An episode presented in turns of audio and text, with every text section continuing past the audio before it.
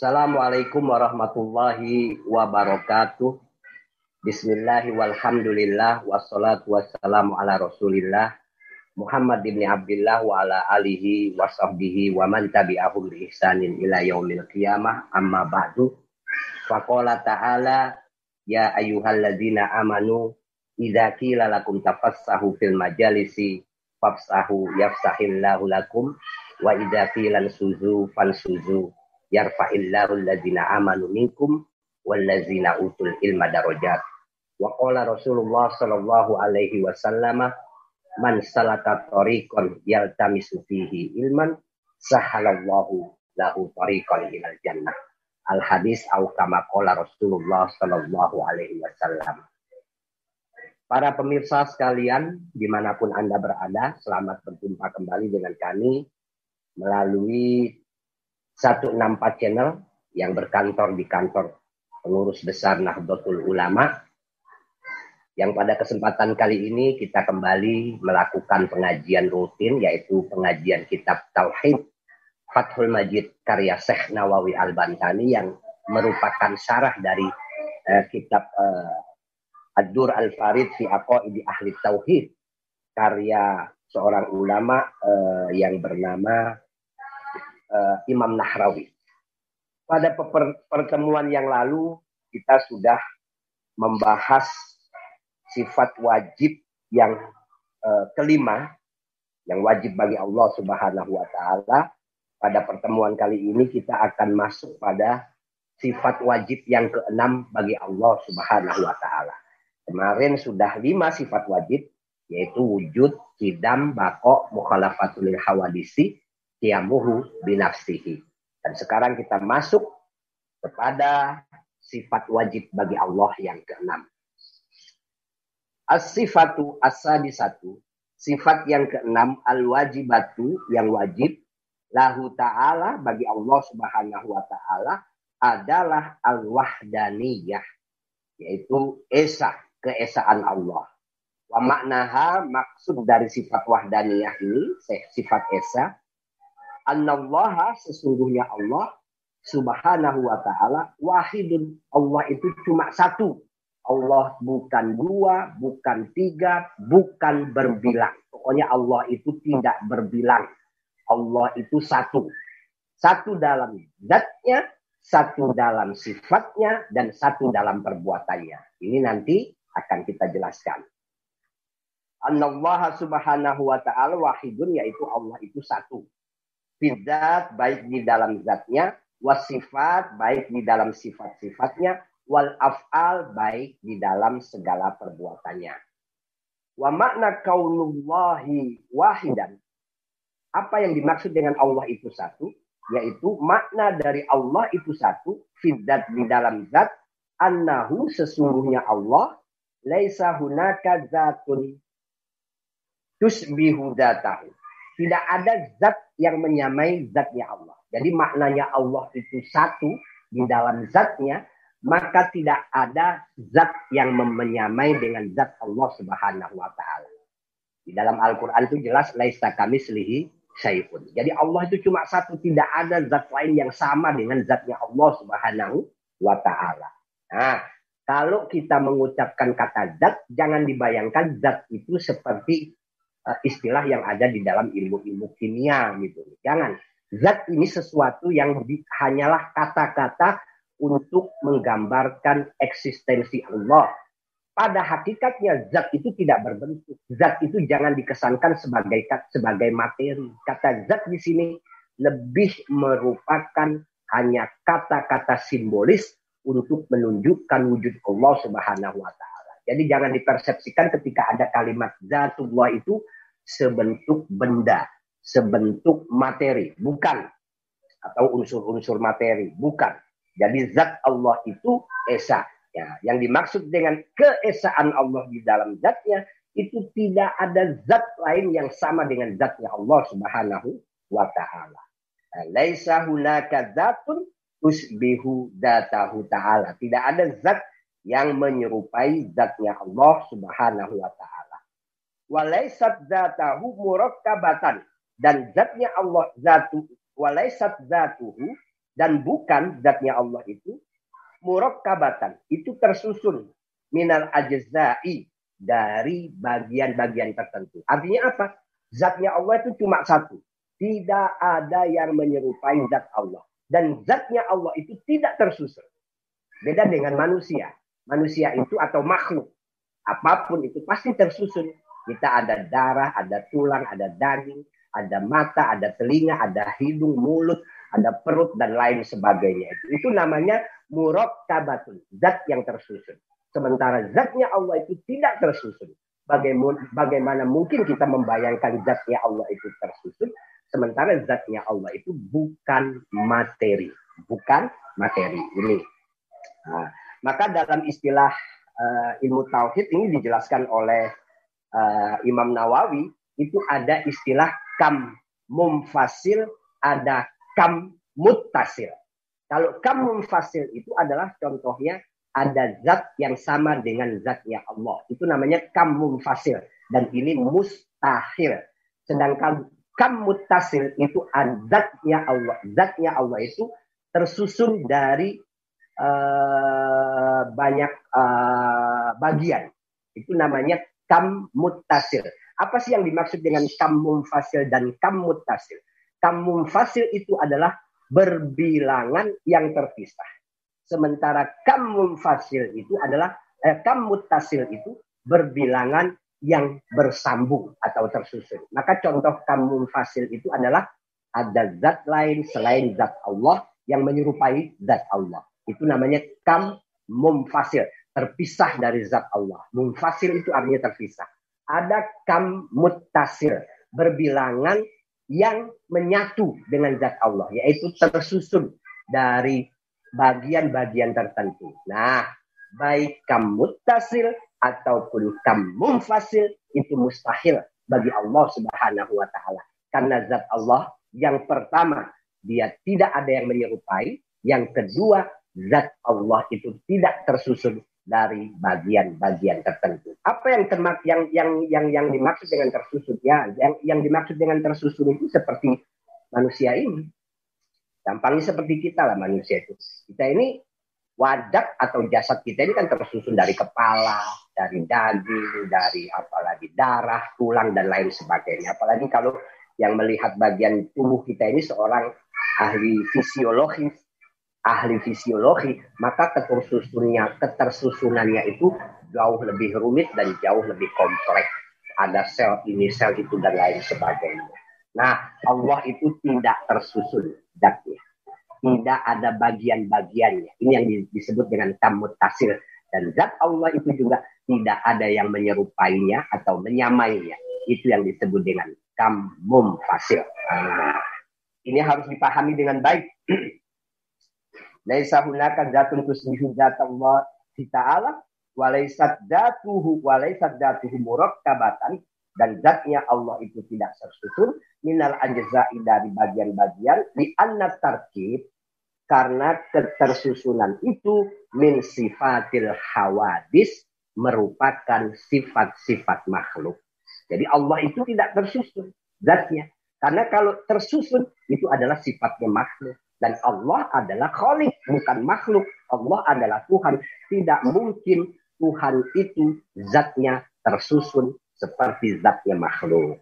Kalau kita jelas, kambing umpamanya, kucing, sama. Atau tumbuhan, ada daun, ada batang, ada cabang, ada akar, dan lain sebagainya. Gunung juga gitu, ada puncaknya, ada lerengnya gitu. Laut juga ada apa airnya, eh, ada pantainya, dan lain sebagainya. Itu tersusun semuanya. Tidak mungkin ada laut tanpa pantai. Tidak mungkin ada laut tanpa air. Sama dengan manusia, tidak mungkin ada manusia tanpa kepala. Tidak mungkin ada manusia tanpa darah. Tidak mungkin ada manusia tanpa daging. Ya, tidak mungkin. Nah, itu sifat makhluk. Sementara sifat Allah, zatnya itu tidak tersusun dari bagian-bagian. Karena yang namanya tersusun itu adalah min sifatil khawadis merupakan sifat buat makhluk. Wallahu dan Allah Ta'ala maha tinggi Allah munazzahun. Bersih, suci, minal ittisof dari bersifat bisifatil hawadis dengan sifat-sifatnya makhluk. Allah itu maha suci dari sifat-sifat makhluk. Ini luar biasa. Jadi ilmu tauhid inilah yang ingin sekali yang punya konsentrasi dan fokus mensucikan Allah. Jadi kalau kita mengucapkan lafal subhanallah setiap pada sholat itu yang artinya maha suci tanpa didukung oleh pengertian yang ditegaskan oleh ilmu tauhid seperti yang kita baca ini tidak terlalu berarti maknanya. Tapi ketika kita mengucapkan kalimat subhanallah setiap pada sholat yang sering kita wiridkan yang artinya adalah maha suci Allah didukung dengan wawasan tauhid seperti saya jelaskan kali ini itu akan jauh lebih dalam. Artinya apa? Lafal subhanallah yang berarti Allah itu maha suci di dalam pikiran kita tergambarkan kesucian Allah bahwa Allah itu zatnya tidak ada yang menyerupai bahwa Allah zatnya tidak tersusun bahwa Allah itu bukan materi bahkan bahkan bahwa Allah itu suci dari apa yang kita gambarkan dalam pikiran kita itu yang dimaksud dengan uh, wallahu taala munazzahun uh, suci uh, minal ittisofi dari keber, kebersifatan bi, bisifatil hawadis dengan sifat-sifat makhluk Nah, jadi itu makna kaunuhu ta'ala wahidan fi zatihi. Makna Allah itu satu dalam zatnya. Wa makna kaunuhu ta'ala wahidan fi sifat. Dan makna Allah itu maha esa di dalam sifat-sifatnya.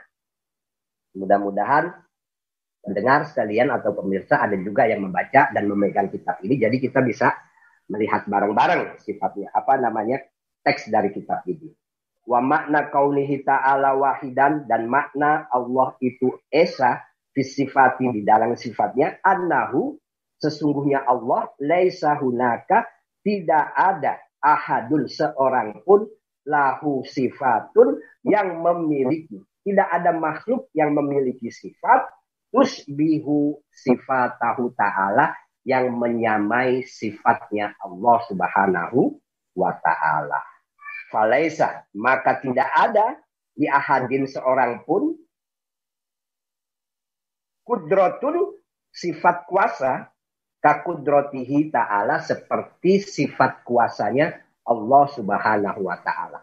Kalau sekedar dalam dalam apa dalam kalimat dalam kata itu mungkin kita boleh-boleh saja mengatakan si orang tertentu memiliki kuasa. Kayak presiden memiliki kekuasaan, menteri memiliki kekuasaan, pejabat memiliki kekuasaan. Itu dalam kata boleh-boleh saja. Tapi kekuasaan Allah Subhanahu wa taala itu tidak ada yang sama dengan kekuasaan makhluk. Atau kekuasaan makhluk tidak pernah sama dengan kekuasaan Allah. Karena kekuasaan Allah itu bersifat mutlak, sementara kekuasaan makhluk makhluk itu bersifat nisbi, bersifat relatif. Allah maha kuasa.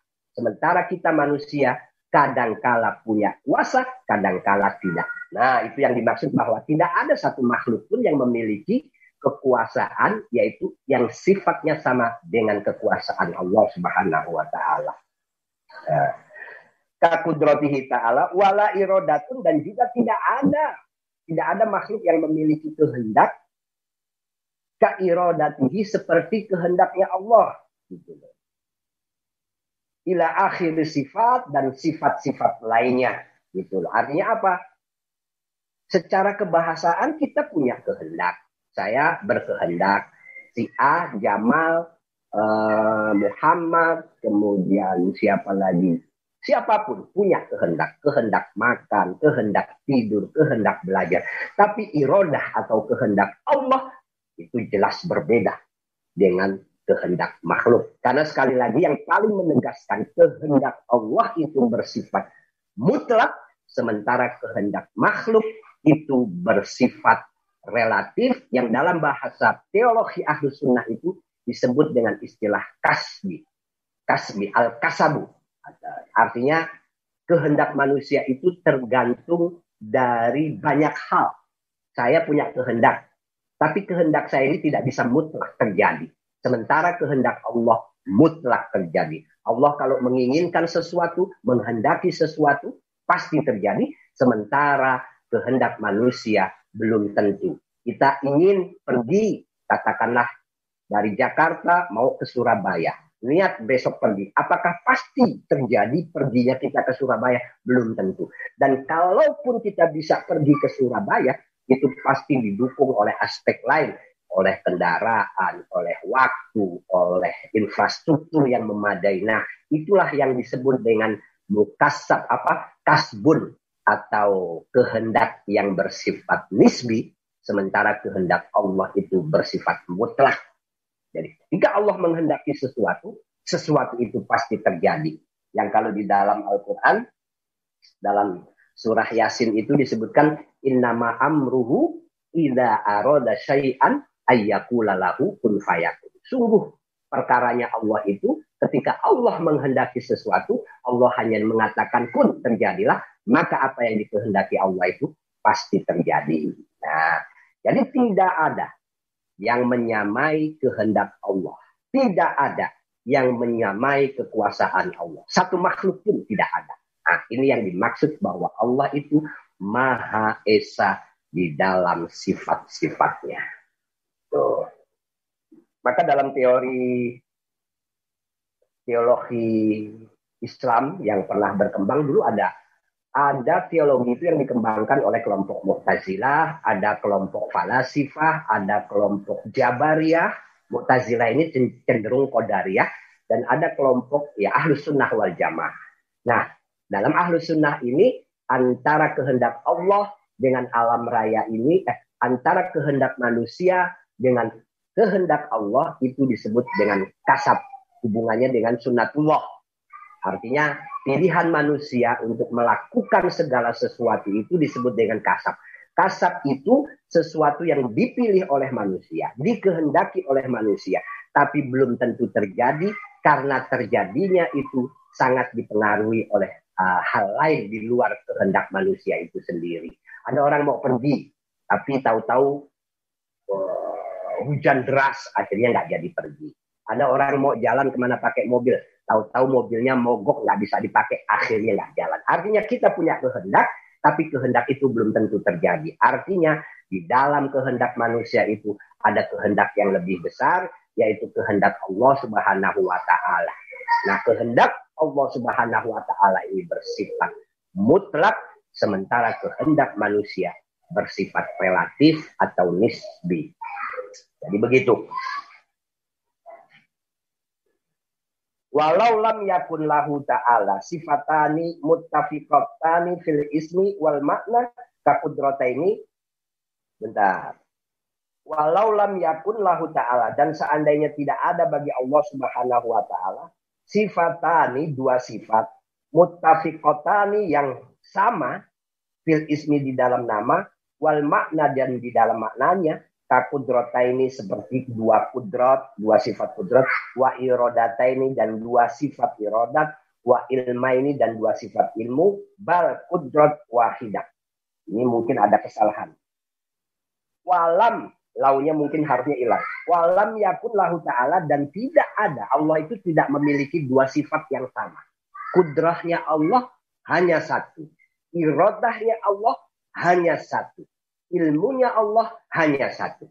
Kehendak Allah ketika Allah menghendaki terjadinya alam raya itu juga yang dipakai ketika Allah umpamanya menciptakan virus corona. Karena segala sesuatu ini terjadi berdasarkan kehendak Allah. Jadi tidak ada kehendak Allah itu berbeda-beda antara satu kehendak dengan kehendak yang lain. Beda dengan kehendak manusia. Ketika kita kehendak, punya kehendak untuk makan, itu beda dengan kehendak kita ketika ingin belajar, ingin baca buku. Berbeda dengan kehendak kita ketika ingin pergi. Karena kehendak-kehendak itu kadang muncul, kadang hilang. Nah, kehendak Allah itu satu. Dari dulu sampai sekarang kehendak Allah itu cuma satu. Jadi tidak ada sifat Allah yang bersifat yang yang berjumlah lebih dari satu, dua, apalagi tiga, empat dan lain sebagainya. Baik irodahnya, baik kudrohnya, baik ilmunya. Tidak ada. Semuanya adalah satu. Itu yang dimaksud dengan Allah. Itu satu dalam sifat. Kakudrota ini, wa irodata ini, wa ilma ini. Ila Bal kudratun wahidah. Akan tetapi kudrahnya Allah itu adalah kudroh atau kehendak yang satu. Apa namanya kekuasa yang satu. Wa irodah wahidah dan kehendak yang satu. Wa ilmun kadzalik dan juga ilmu yang satu. Wa makna kaunuhu ta'ala. Dan makna dari adanya Allah subhanahu wa ta'ala. Wahidan, maha esa. Fil af'al dalam perbuatan. Allah juga selain Maha Esa dalam zat, dalam sifat. Yang ketiga dalam perbuatannya. Nah, maknanya apa? Anna jami al af'ali. Sesungguhnya semua perbuatan Allah. Anna jami al af'ali lahu azza wa jalla. Semua perbuatan Allah. Falaisa li ahadim minal makhluk. Tidak ada yang menyamai makhluk mana pun tidak ada yang menyamai perbuatan Allah. Falaisa uh, li ahadi minal makhlukat fi'lun minal af'al sawaun kanat ikhtiyariyah au ittiroriyah. Jadi tidak ada makhluk itu yang perbuatannya itu sama dengan perbuatan Allah. Baik perbuatan makhluk itu ikhtiariyah berdasarkan pilihannya atau ittiroriyah berdasarkan determinasi yang tidak bisa dihindari. Contoh, dalam diri kita ini ada ada perbuatan-perbuatan yang tidak uh, contoh dalam diri kita ini ada perbuatan yang kita bisa memilih. Kita bisa memilih melakukannya, kita bisa memilih untuk tidak melakukannya. Tapi ada perbuatan atau gerak tubuh kita yang kita tidak bisa memilihnya. Contoh. Kita mau makan, itu kita memilih. Kita mau belajar, kita memilih. Kita mau pergi ke suatu tempat, kita memilih. Kita mau tidur, itu kita memilih. Betul. Tapi ada perbuatan atau gerak dari tubuh kita yang tidak kita pilih. Mau nggak mau, perbuatan itu akan terjadi. Contoh, detak jantung, aliran darah, nafas dari hidung kita. Ini sesuatu yang tidak kita pilih, tapi terjadi berdasarkan itiroriyah. Itiroriyah itu artinya ada aturan yang memaksa semua itu terjadi. Tidak mungkin kalau kita itu kemudian menginginkan jantung kita berhenti, kita belek, kita uh, keluarkan jantung kita apa rusak jantung kita sehingga berhenti. Apa yang terjadi? Ya kita mati. Atau kita tidak ingin bernafas masuk ke dalam kolam renang tidak karena tidak ingin bernafas masuk ke dalam kolam renang. Apa yang terjadi? Ya kita mati. Nah itulah yang dimaksud dengan uh, al-af'al al-iftiroriyah. Kalau al-ikhtiyariyah, perbuatan yang kita bisa memilih, contohnya seperti saya sudah sebutkan itu tadi.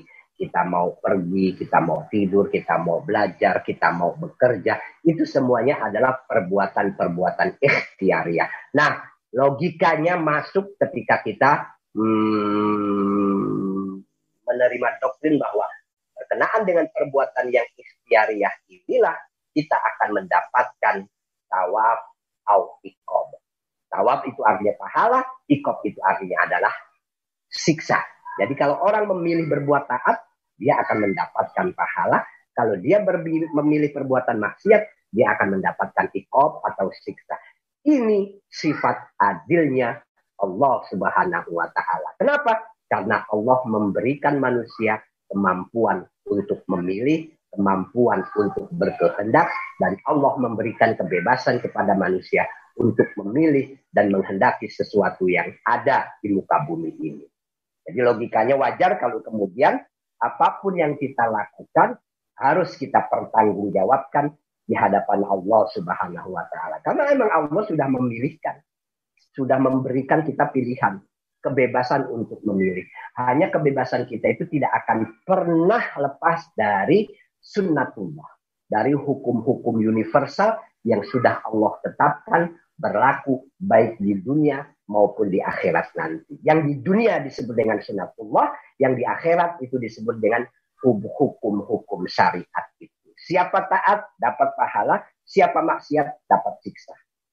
Nah, ini harus dipahami dengan baik dan benar. Karena memang sejak dulu dalam sejarahnya soal hubungan manusia, perbuatannya, dan lain sebagainya dengan alam raya, dengan Tuhan itu terjadi perdebatan yang sangat seru. Yang kemudian melahirkan beberapa madhab atau firqah, ada ada Mu'tazilah dengan doktrin uh, Qadariyahnya, ada kelompok Jabariyah, ada kelompok para filosof, dan juga ada kelompok Ahlus Sunnah. Ahlus Sunnah ini mengambil jalan tengah antara Qadariyah dan Jabariyah, yaitu jalan tengahnya menggunakan istilah al-kasabu. Jadi manusia ini perbuatannya itu masuk dalam kategori al-kasab. Apa itu al-kasab?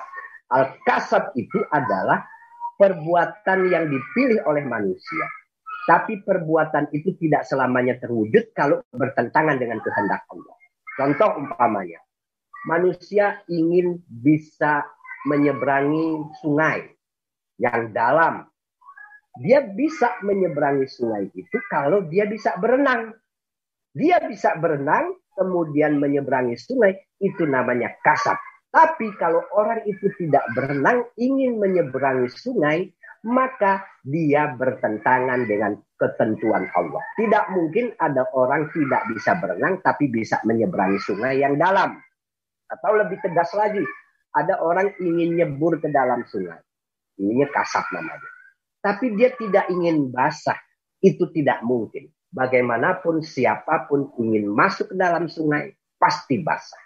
Jadi kalau tidak ingin basah, jangan masuk sungai. Gitu. Nah, ini antara kasab dengan kehendak Allah itu harus seiring sejalan.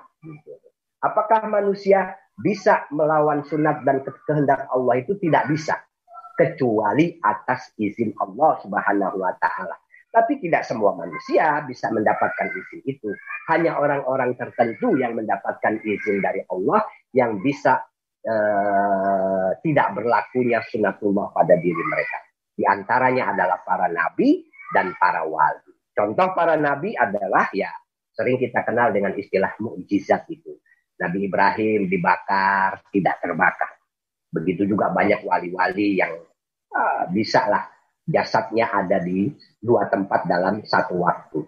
Nah, yang bisa seperti itu hanya orang-orang tertentu, yaitu para nabi dan rasul, serta para wali. Kalau kita yang bukan nabi dan bukan rasul, jangan mimpi meminta seperti itu kepada Allah. Karena yang bukan nabi dan bukan rasul meminta kejadian-kejadian yang kharikul ada di luar kebiasaan, di luar sunatullah, itu namanya permintaan yang kurang ajar tidak tahu diri namanya. Ingin punya uang tapi nggak kerja itu tidak tahu diri. Ingin ingin pintar tapi tidak belajar itu tidak tahu diri. Walaupun berdoa Allahumma rzukna Allah Allahumma fahimna fah, apa uh, Allahumma ftah lana futuhal arifin. Ya Allah bukakan uh, pikiran kami uh, sebagaimana terbukanya orang-orang arif. Tapi kita nggak belajar. Minta ilmu tapi tidak belajar, minta rezeki tapi tidak kerja. Nah, itu termasuk permintaan-permintaan yang kurang ajar. Gitu. Karena yang punya hak untuk mendapatkan atau boleh meminta sesuatu yang tidak apa namanya uh, harus sesuai dengan sunatullah itu ya hanya para wali dan juga para nabi dan rasul. Mereka boleh meminta, kalau kita nggak boleh. Harus tahu diri, karena setiap orang kalau kalau kalau kalau apa namanya diperbolehkan minta-minta yang aneh-aneh yang di luar sunatullah itu uh, bisa tatanan kehidupan ini bisa menjadi menjadi berantakan. Uh, wal af anna jami'al afallahu azza wa jalla li ahad minal makhluqat fi'lun minal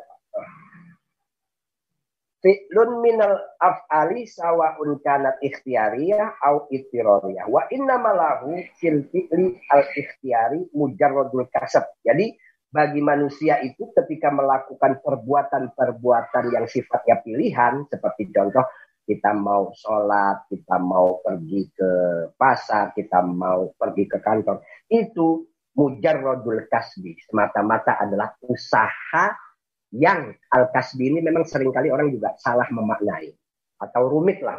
Al-kasbi itu adalah kemampuan manusia berbuat dan memilih tapi tidak lepas dari ketentuan sunnatullah. Itu kasbi namanya. Kita makan dan lain sebagainya itu tidak akan pernah keluar dari sunnatullah.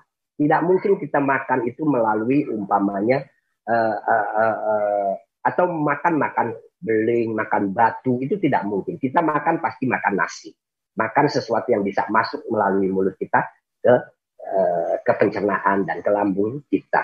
Jadi banyak sekali setiap gerak manusia itu yang ditentukan atau diliputi oleh hukum-hukum Allah yang dikenal dengan sunnatullah. Kita belajar supaya pintar atau orang ingin pintar ya harus belajar. Itu namanya belajar kita itu adalah kasbi.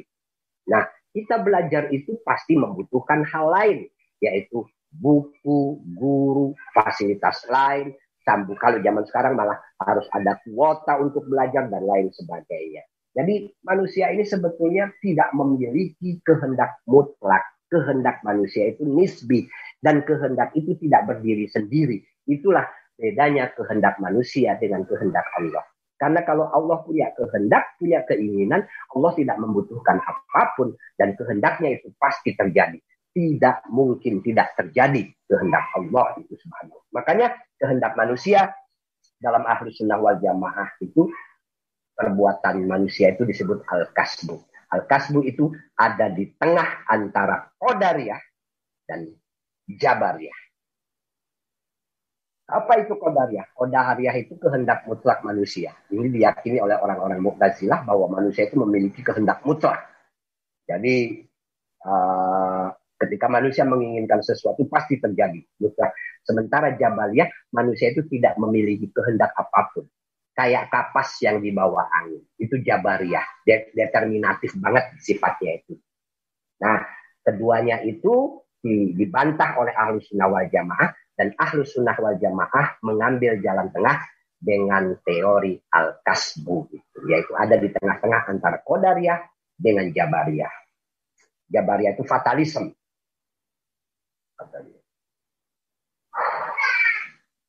al-kasbu wabihi karena kasbu inilah al-kasbu itu pilihan manusia yang eh, apa namanya sifatnya itu tidak bisa tidak bisa melanggar sunatullah wabihi dengan kasbu ini yusibuna Allah kita akan diberikan yusibuna yusibuna memberikan pahala kepada kita Allahu pahala atau siksa Allah yaitu Allah bifadlihi dengan kemurahannya karena kasbu inilah Kemudian Allah memberikan pahala kalau perbuatan kita itu baik dan Allah akan memberikan siksa kalau perbuatan kita itu maksiat apalagi jahat.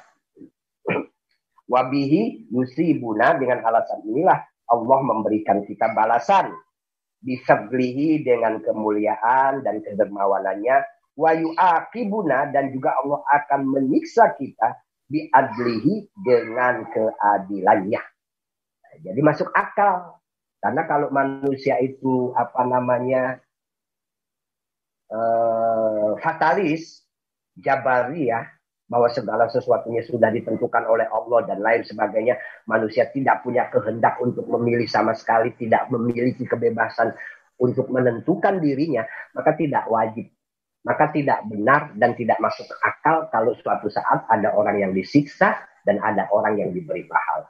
Karena akan akan beralasan, kenapa saya disiksa ya Allah? Bukankah semua yang saya lakukan itu adalah kehendakmu? Semua yang saya lakukan itu memang engkau yang menggerakkan begitu. Kenapa saya harus disiksa? Kenapa kalau sebaliknya? Kalau umpamanya, kenapa saya disiksa karena perbuatan jahat saya? Bukankah perbuat saya berbuat jahat itu juga berdasarkan kehendakmu? Gitu loh. Kalaupun saya disiksa, kenapa dulu saya tidak dikehendaki untuk berbuat baik dan tidak berbuat jahat? Nah di sinilah kemudian jawabannya ada konsep al-kasbu. Allah memberikan manusia kebebasan untuk memilih, kemudian Allah memberikan penjelasan bahwa ini boleh dilakukan, ini tidak boleh dilakukan. Maka manusia itu ketika dia memilih yang diperintahkan untuk dilakukan dapat pahala. Ketika dia memilih melakukan sesuatu yang dilarang atau yang diharamkan oleh agama, dia akan mendapatkan siksa di akhirat nanti. Masuk akal maka konsep al-kasbi ini adalah konsep tawasud, konsep jalan tengah antara Qadariyah dan Jabariyah. Wa yu'aqibuna bi af'ali maka semua perbuatan lahu ta'ala uh, uh, milik pada hakikatnya sebuah semua perbuatan lahu milik Allah ta'ala maha tinggi Allah. Jadi segala sesuatu memang pada hakikatnya milik Allah. Perbuatan manusia itu juga pada hakikatnya milik Allah. Karena manusia itu bisa memilih, bisa berbuat dan lain sebagainya itu di ditentukan oleh hukum-hukum yang sudah berlaku baik di dalam diri manusia ataupun hukum yang berlaku di luar diri manusia yang dalam bahasa agama disebut dengan sunnatullah. Dan sunnatullah ini tidak akan berubah karena sifatnya konstan. Air tidak mungkin dia naik ke atas karena sifat air selalu mencari jalan yang lebih rendah. Matahari terbit dari timur tidak mungkin matahari terbit dari barat. Api bersifat membakar. Tidak mungkin api itu menjadi dingin dan seterusnya. Itulah sunatullah. Termasuk yang ada di dalam diri kita ini bahwa diri kita manusia tersusun dari jantung, paru-paru, ada ginjal, ada lambung, ada usus. Di luar ada mata, ada telinga.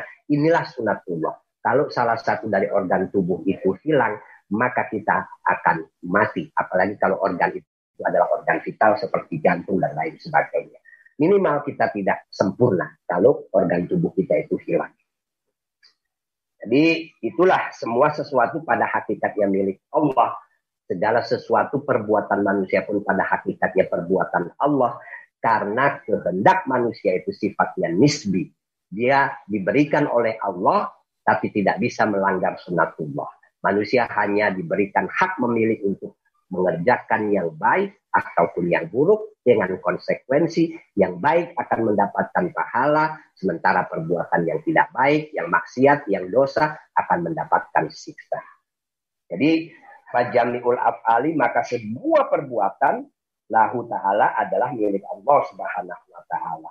Fal mu'jizatu, nah ini penjelasan tentang mukjizat. Adapun mukjizat allati taqau ala aidi ar-rusul yang terjadi di tangan para rasul alaihi wassalatu wassalam wal karomat dan juga keramat atau karomah allati tajri ala aidil aulia yang terjadi di tangan para wali itu makhlukatun juga ciptaan lahu ta'ala. Jadi mukjizat karomah yang terjadi pada para nabi dan rasul begitu juga para wali itu juga bagian dari kehendak Allah bagian dari ciptaan Allah. Nabi Ibrahim dibakar di dalam tabunan besar tapi kemudian selamat.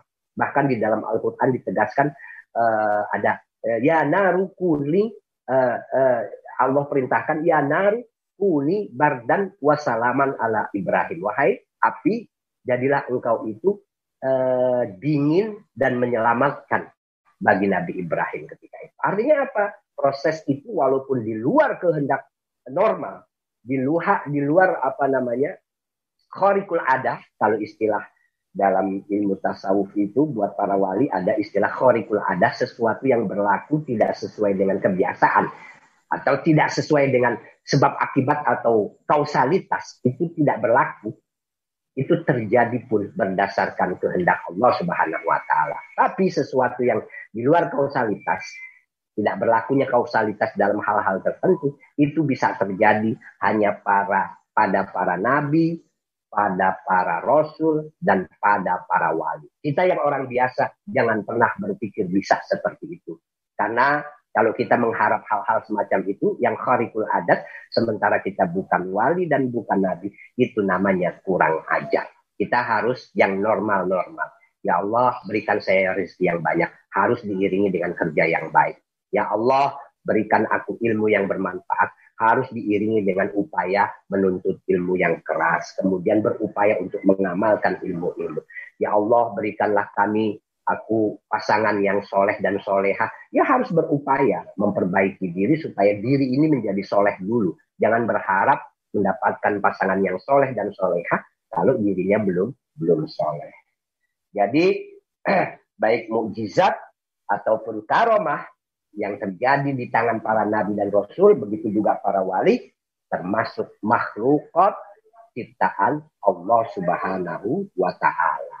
Nah, Selanjutnya wa idza sabatalahu ta'ala al-wahdaniyah. Ketika Allah itu sudah uh, pasti memiliki sifat Maha Esa al-wahdaniyah. Intafat maka hilanglah anhu dari Allah al-kumum. Sifat berbilangan. Jadi tidak ada Allah itu berbilangan. Tadi Allah itu Maha Esa baik dalam zatnya, baik dalam sifat-sifatnya ataupun dalam perbuatan-perbuatannya. Itu Allah Maha Esa. Tidak ada satu makhluk pun yang zatnya sama dengan zat Allah. Tidak ada satu makhluk pun yang sifatnya sama dengan sifat Allah. Tidak ada satu makhluk pun yang perbuatannya sama dengan perbuatan Allah. Maka Allah itu maha suci dari al-kumum al-khamsah. Berbilangan yang ada lima. Apa itu berbilangan yang ada lima? Al-kumum al-khamsah. Al-kumum itu jamak dari kam. Kam itu artinya berbilangan. Yang adanya jumlahnya ada lima. Yang pertama yaitu al-kumum al-khamsah al-mashhurah. Jadi di berbilangan yang ada lima yang sudah terkenal di dalam ilmu tauhid ini. Kalau orang nggak pernah ngaji tauhid, belum pernah mendengar istilah ini. Gitu. Tauhid ahlu sunnah wal jamaah bukan tauhid yang lainnya. Kalau tauhid yang lainnya tidak pernah membahas hal-hal seperti ini. Wahia ya yang dimaksud dengan berbilangan yang lima. Yang pertama adalah al-kam al-mumfasil. Apa itu al-kam mumfasil? Fiddati di dalam zatnya. Nah, apa itu? Ya ini yang pertama. Al-kam al-mumfasil fiddat. Jadi berbilangan dalam zat. Artinya begini. Allah itu berbilangan eh, zatnya. Artinya zatnya Allah ada dua, ada tiga. Itu mustahil. Karena Allah itu memiliki sifat wah dan niyah, esa. Jadi zat Allah cuma satu, tidak ada zat lain yang menyerupai zatnya Allah. Itu yang dimaksud dengan al-kam amum fasil tidak. Ada zat lain yang terpisah dari zat Allah, tapi mirip dan sama dengan zat Allah. Nah, itu namanya al-kam mumfasil dan ini mustahil. Nah, itu yang pertama. Yang kedua, kam al-kam al-muttasil fiha yaitu berbilangan yang menyatu dengan zat Allah. Contohnya apa? Ya Allah tersusun zatnya seperti zat makhluk, ada kepala, ada tangan, kaki, dan lain sebagainya. Ini juga mustahil karena zat Allah itu bila tarkibin tanpa susunan, gitu loh. Mungkin secara kebahasaan kita bisa membayangkan bahwa Oh Allah melihat dengan mata, Allah mendengar dengan telinga, Allah bicara dengan mulut dan lain sebagainya. Allah duduk dengan posisi seperti kita duduk dan lain sebagainya. Tapi Allah maha suci dari semua itu semua. Karena kalau kita melihat dengan mata, kita mendengar dengan telinga, itu makhluk. Sementara Allah itu zatnya tidak memiliki, tidak membutuhkan telinga untuk mendengar. Allah zatnya tidak membutuhkan mata untuk melihat. Karena zat Allah itu bila tarkibin tanpa susunan. Nah, ini yang disebut dengan bilangan yang menyatu dengan zat Allah. Karena apa? Satu tangan, dua mata, tiga hidung, empat kaki, lima kepala, enam kuping. Itu namanya berbilangan al-muttasil. Itu namanya al-kam al-muttasil fizzat. Itu loh. Kalau tadi al-kam al-mumfasil fizzat. Jadi ada kam muttasil, ada kam mumfasil di dalam zat itu. Mudah-mudahan ini bisa dipahami. Yang muttasil itu artinya menyatu dengan zat tersusun, sementara al-mumfasil terpisah dari zat tapi memiliki kemiripan atau sama. Nah, dua-duanya kam ini semua adalah mustahil bagi Allah karena Allah memiliki sifat wahdaniyah yaitu Maha Esa. Nah, yang ketiga itu walkam al munfasil fisifat. Tidak mungkin Allah itu memiliki ada sifat yang terpisah dari sifatnya Allah yang sama dengan sifatnya Allah. Tidak mungkin. Allah maha mendengar, Allah maha melihat, Allah kuasa, Allah maha mengetahui, Allah maha berkehendak. Itu tidak mungkin ada sifat-sifat di luar sifatnya Allah seperti itu yang sama. Jadi tidak akan ada makhluk yang memiliki kudroh yang sama dengan kudrohnya Allah. Tidak ada makhluk yang memiliki irodah yang sama dengan irodahnya Allah. Tidak ada makhluk yang memiliki ilmu yang sama dengan ilmunya Allah. Nah ini harus dipahami. Ini namanya kam al-mumfasil bis sifat. Nah yang keempat wal kam muttasil fis sifat. Jadi Allah maha kuasa, kudrah. Itu tidak mungkin kudrahnya Allah itu tersusun seperti kehendak manusia. Kita punya kehendak, tapi kehendak kita ini tersusun. Ketika kita ingin makan, maka kehendak itu akan terwujud kalau kita di depan kita ada makanan, ada minuman, Ketika kita menyuapi juga kita butuh mulut, butuh tangan, butuh sendok. Itu namanya kudroh al-muttasilah. Yang tersusun, kehendak yang tersusun.